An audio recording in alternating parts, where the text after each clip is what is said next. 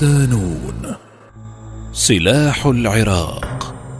تعرف إلى الحشد الشعبي وفصائله وتسليحه. مقال لفريق التحرير. ضمن ملف سلاح العراق. ضمن سلسلة التقارير المنضوية في ملف سلاح العراق والذي يتناول ملف امتلاك السلاح في العراق من قبل مختلف الأطراف الرسمية وغير الرسمية والخارجة عن القانون. تتناول الأسطر التالية لنون بوست الحشد الشعبي لتعرف القارئ العربي إليه وإلى ألويته وأهم الفصائل المنضوية تحت رايته والاتهامات الموجهة له من بعض الكتل السياسية العراقية والمراكز الحقوقية الدولية والمحلية. بما يتعلق بملف الاغتيالات والمختطفين. التعريف والتأسيس. قانونيا يعتبر الحشد الشعبي قوات نظامية عراقية وجزءا من القوات المسلحة العراقية حيث تأتمر بأوامر القائد العام للقوات المسلحة رئيس الوزراء العراقي. تشكلت إثر فتوى الجهاد الكفائي التي أطلقها رجل الدين الشيعي علي السيستاني في الثالث عشر من يونيو حزيران 2014 وجاءت فتوى السيستاني بعد ثلاثة أيام على اكتساح تنظيم داعش لمدينة الموصل ثانية كبريات المدن العراقية في عدد السكان ليتبع ذلك سيطرة التنظيم على مساحات شاسعة من محافظتي صلاح الدين والأنبار. يقول الخبير الأمني العراقي رياض الزبيدي في حديثه لنون بوست: إن الحشد الشعبي جاء استجابة لفتوى مرجعية الشيعية لحماية العاصمة العراقية بغداد من خطر تنظيم داعش. إلا إن الحشد الشعبي في تشكيله الحقيقي لم يتشكل إلا لاحتواء الفصائل الشيعية المسلحة التي وصفها بالموالية لإيران ويضيف الزبيدي أن الحشد الشعبي قنن هذه الفصائل وجعلها قوات رسمية تتلقى دعما من الحكومة العراقية سواء بالمال أو السلاح أو الدعم اللوجستي مشيرا إلى أن النواة الأولى للحشد الشعبي تشكلت من كل من فصائل كتائب حزب الله وعصائب أهل الحق ومنظمة بدر وقوات التيار الصدري المعروفة بجيش المهدي أو سرايا السلام. ثم وبحسب الزبيدي تبع ذلك انضمام آلاف الشباب الشيعة إلى صفوف الحشد وزجهم في معارك الدفاع عن المدن المهددة من قبل التنظيم. ثم توالى انضمام وتشكيل الفصائل المسلحة الأخرى كالحشود التابعة للعتبتين الحسينية والعباسية. ثم ونتيجة للخلافات البينية وطمعا في الحصول على المزيد من الدعم الحكومي. تشكلت عشرات الفصائل الأخرى ككتائب الإمام علي والنجباء وعلي الأكبر وسرايا الخرساني وعاشوراء وكتائب سيد الشهداء وجند الإمام وأبو الفضل العباس وغيرها. وبعد أكثر من عامين على تشكيل النواة الأولى للحشد، تحول الأخير رسميا إلى قوة رسمية لها قانون مشرع من مجلس النواب، حيث صوت مجلس النواب العراقي بأغلبية الأصوات لصالح قانون الحشد الشعبي في السادس والعشرين من نوفمبر تشرين الثاني عام 2006 في ذروة المعارك التي انطلقت لاستعادة مدينة الموصل شمال بغداد من سيطرة تنظيم داعش بحسب الزبيدي. أعداد فصائل الحشد وتوزيعها تزايدت أعداد المقاتلين في قوات الحشد الشعبي على مدى السنوات الماضية وكانت آخر زيادة لقوات الحشد قد أكدت قانونيا في شهر أبريل نيسان الماضي حيث مرر البرلمان العراقي بندا ضمن موازنة عام 2021 يلزم الحكومة بقبول ثلاثين ألف عنصر جديد ضمن صفوف الحشد. ويقول مسؤولون عراقيون إن معظم هؤلاء موزعون على نحو 25 فصيلا مسلحا معظمها حليفة لإيران وموالية لها.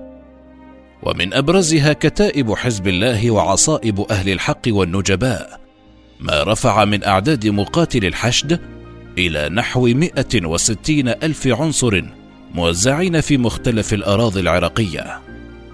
ويقول الخبير الأمني العراقي حسن العبيدي في حديثه لنون بوست إن الحشد الشعبي في عام 2016 كان مكونا من 67 فصيلا مسلحا وبعد أن قنن البرلمان وضع الحشد في أواخر عام 2016 شهدت أعداد مقاتليه زيادة كبيرة ثم ما لبث عدد الفصائل أن ازداد حتى وصل إلى قرابة ثمانين فصيلا مسلحا.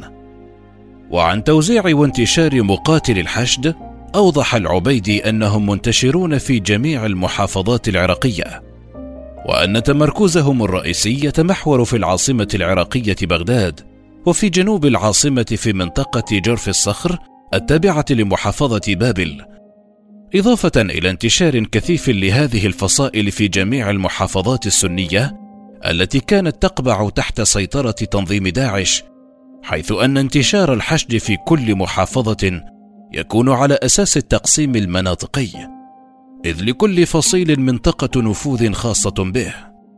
ويتابع العبيدي أن الفصائل الكبيرة وخاصة قوات بدر والعصائب وحزب الله والنجباء والإمام علي تحظى بالسيطرة على المناطق ذات الأهمية العالية أمنيا واقتصاديا خاصة في العاصمة بغداد وفي مناطق كركوك ونينوى وصلاح الدين والأنبار. على طول الشريط الحدودي الفاصل بين العراق وسوريا. الفضائيون. باتت أعداد مقاتل الحشد الشعبي مثار جدل كبير منذ سنوات وتحديدا منذ ولاية رئيس الوزراء الأسبق حيدر العبادي الذي كشف بعض المقربين منه أن جميع المؤسسات الأمنية تعاني من وجود مقاتلين وهميين يطلق عليهم محليا لقب الفضائيين. وهي أسماء وهمية تصرف لهم رواتب من الدولة العراقية لتذهب في جيوب الفاسدين وقادة تلك الفصائل. ويؤكد الباحث بالشأن السياسي العراقي عبد الله الركابي وجود كثير من الفضائيين داخل منظومة الحشد الشعبي.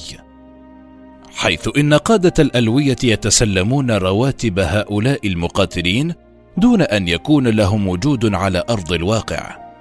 وأوضح الركابي في حديثه لإحدى وسائل الإعلام أن قائد كل فصيل مسلح يستلم مستحقات عشرات المقاتلين الذين لا وجود لهم على أرض الواقع لافتا إلى أنه وبسبب ذلك باتت حكومة رئيس الوزراء مصطفى الكاظمي تمارس ضغطا متسارعا من أجل توطين هذه الرواتب وجعل استلامها عبر بطاقات ماستركارد الشخصية في محاولة لكشف الفضائيين. ولفت الركابي إلى وجود قسم كبير من مقاتل الحشد على أرض الواقع لكنهم لا يخدمون في العراق وهم أولئك الذين يقاتلون إلى جانب قوات النظام السوري مؤكدا على أن عدد العناصر المنضوين في الحشد بات 160 ألف مقاتل أو أكثر على الورق لكنه فعليا أقل من ذلك بكثير. أما النائب في البرلمان العراقي فائق الشيخ علي فقد هاجم قادة الحشد متهما إياهم بالفساد ووجود عشرات آلاف المقاتلين الوهميين. موضحا أن أعداد مقاتل الحشد الفعليين لا تتعدى ثمانية وأربعين ألف عنصر. وفي الوقت الذي لا تعرف الدولة العراقية حقيقة أعداد مقاتل الحشد تشير مصادر حكومية خاصة لنون بوست أن أعداد مقاتل الحشد الفعليين لا تتجاوز خمسة وعشرين ألف مقاتل منتشرين في مختلف المناطق العراقية. وتشير المصادر ذاتها اشترطت عدم الكشف عن هويتها لأسباب أمنية. أنه وبالإضافة إلى هؤلاء يوجد نوعان آخران من مقاتل الحشد. الأول يتمثل بالمقاتلين الحقيقيين الذين لا يتواجدون في المعسكرات ويتقاضون نصف رواتبهم فقط ويذهب النصف الآخر لمسؤولي الفصائل بينما النوع الآخر يتمثل بالمقاتلين الفضائيين الذين لا وجود لهم على أرض الواقع. تسليح الحشد.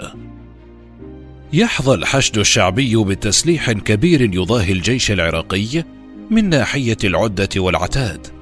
باستثناء امتلاكه للطائرات الحربية والمروحيات إذ تؤكد الأحداث التي مرت على العراق منذ مقتل قائد فيلق القدس الإيراني قاسم سليماني ونائب رئيس هيئة الحشد الشعبي أبو مهدي المهندس في يناير كانون الثاني 2020 أن الفصائل المسلحة المنخرطة في الحشد الشعبي باتت لديها قدرة صاروخية كبيرة. وجاء قصف السفارة الأمريكية وقواعد التحالف الدولي في العراق ليؤكد أن لهذه الفصائل قدرات تسليحية وصاروخية كبيرة، وهو ما أكده ضابط بارز في مديرية الاستخبارات العسكرية التابعة لوزارة الدفاع العراقية. في أن بعض الفصائل حصلت على صواريخ يصل مداها إلى نحو أربعين كيلومترا ومنها كتائب حزب الله والعصائب وبدر وأشار الضابط إلى أن ترسانة الصواريخ لدى الفصائل التابعة للحشد تعد من ضمن الصواريخ التي زودتها بها إيران أو التي طورتها الفصائل محليا من خلال زيادة أمدائها. ومنها صواريخ زلزال واحد وزلزال اثنان وفجر واحد وفجر اثنان إضافة إلى الطائرات المسيرة ثابتة الجناح إيرانية الصنع. والتي بدأت هذه الفصائل استخدامها قبل نحو أربعة أشهر في عملياتها ضد مطاري بغداد وأربيل وقاعدة عين الأسد الجوية في محافظة الأنبار التي تتواجد بها قوات التحالف الدولي. وعن بقية أنواع الأسلحة أفاد تقرير نشره موقع Medium Corporation الأمريكي أن فصائل في الحشد الشعبي استولت على تسع دبابات أمريكية من طراز أبرامز. كانت داعش قد استولت عليها خلال سيطرتها على الموصل واستطاعت قوات الحشد الشعبي الاستيلاء عليها بعد استعادة المدينة من سيطرة التنظيم. كما بات الحشد يمتلك عشرات الناقلات المدرعة من طراز BMP واحد والدبابات السوفيتية من طراز T-72 فضلا عن كتائب من الدبابات المطورة إيرانيا في العراق من قبل كتائب حزب الله في منطقة جرف الصخر جنوب بغداد. أما عن الأسلحة الخفيفة فقد زودت الحكومة العراقية الحشد الشعبي بمختلف أنواع الأسلحة منذ تشكيله في يونيو حزيران 2014 حيث يمتلك مختلف أنواع الأسلحة الرشاشة الخفيفة والمتوسطة والثقيلة إضافة إلى قاذفات القنابل وراجمات صواريخ كراد المطورة من قبل الحشد وغيرها من الأسلحة. إشكالية الحشد داخليا.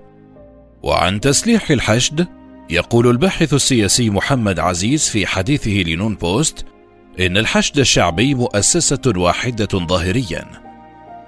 لكنه يعاني من انشقاقات كبيرة في صفوفه حيث برزت خلافات كبيرة بينية بين تلك الموالية لإيران والأخرى الموالية للحكومة العراقية ما دفع بحشد العتبات حشد العتبة الحسينية والعتبة العباسية إلى إعلان رغبتهما بالانفكاك عن هيئة الحشد بذريعة عدم التوزيع العادل للموارد المالية من قبل رئاسة الحشد الشعبي.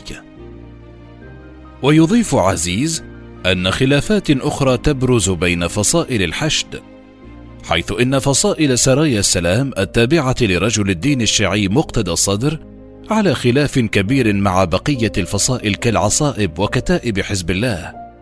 ما ينذر بأن احتمالية تطور الصراع على الموارد والولاء ما ينذر بأن احتمالية تطور الصراع على الموارد والولاء وتحوله من لفظي إلى مسلح غير مستبعد قبيل الانتخابات. وعن التبعية والنفوذ السياسي لهذه الفصائل يتابع عزيز أن فصيل عصائب أهل الحق له تمثيل نيابي في البرلمان العراقي تحت مسمى كتلة صادقون المنضوية ضمن تحالف الفتح الذي يتزعمه هادي العامري لافتا إلى أن محاولة هذه الفصائل توسيع نفوذها من العسكرة إلى السياسة وحيازتها على عدد مقاعد أكبر في البرلمان في الانتخابات المبكرة ينذر بحرب بينية بين هذه الفصائل التي لها أيديولوجيات ومصالح اقتصادية متباينة ومتناقضة. اتهامات للحشد. أسس الحشد الشعبي في منتصف عام 2014 ليكون رديفا للجيش العراقي وقوات وزارة الداخلية في الدفاع عن المدن التي يهددها تنظيم داعش فضلا عن المحاولات التي كان العراق قد بدأها لاستعادة المدن التي سيطر عليها التنظيم.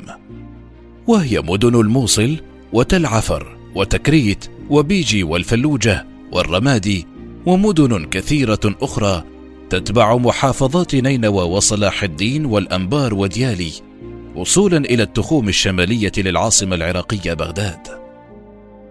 ومع أن الحشد يعد قوة رسمية تتبع الحكومة العراقية إلا أنه اتهم على مدار السنوات الماضية باختطاف مئات العراقيين على أساس مذهبي خلال عمليات استعادة المدن المحتلة من داعش فضلا عن دور فصائل الحشد في قمع التظاهرات الشعبية التي اجتاحت مدن وسط وجنوب العراق والتي بدأت في الأول من أكتوبر تشرين الأول 2019 وفي هذا الصدد اتهمت منظمة العفو الدولية فصائل الحشد بارتكاب جرائم حرب خلال العمليات العسكرية لاستعادة المناطق المحتلة من داعش عام 2017 من اختطاف وقتل وتعذيب آلاف العراقيين على أساس طائفي في المناطق التي كانت خاضعة لداعش أو خلال محاولة هروب المدنيين من سيطرة التنظيم باتجاه المناطق التي تسيطر عليها القوات العراقية.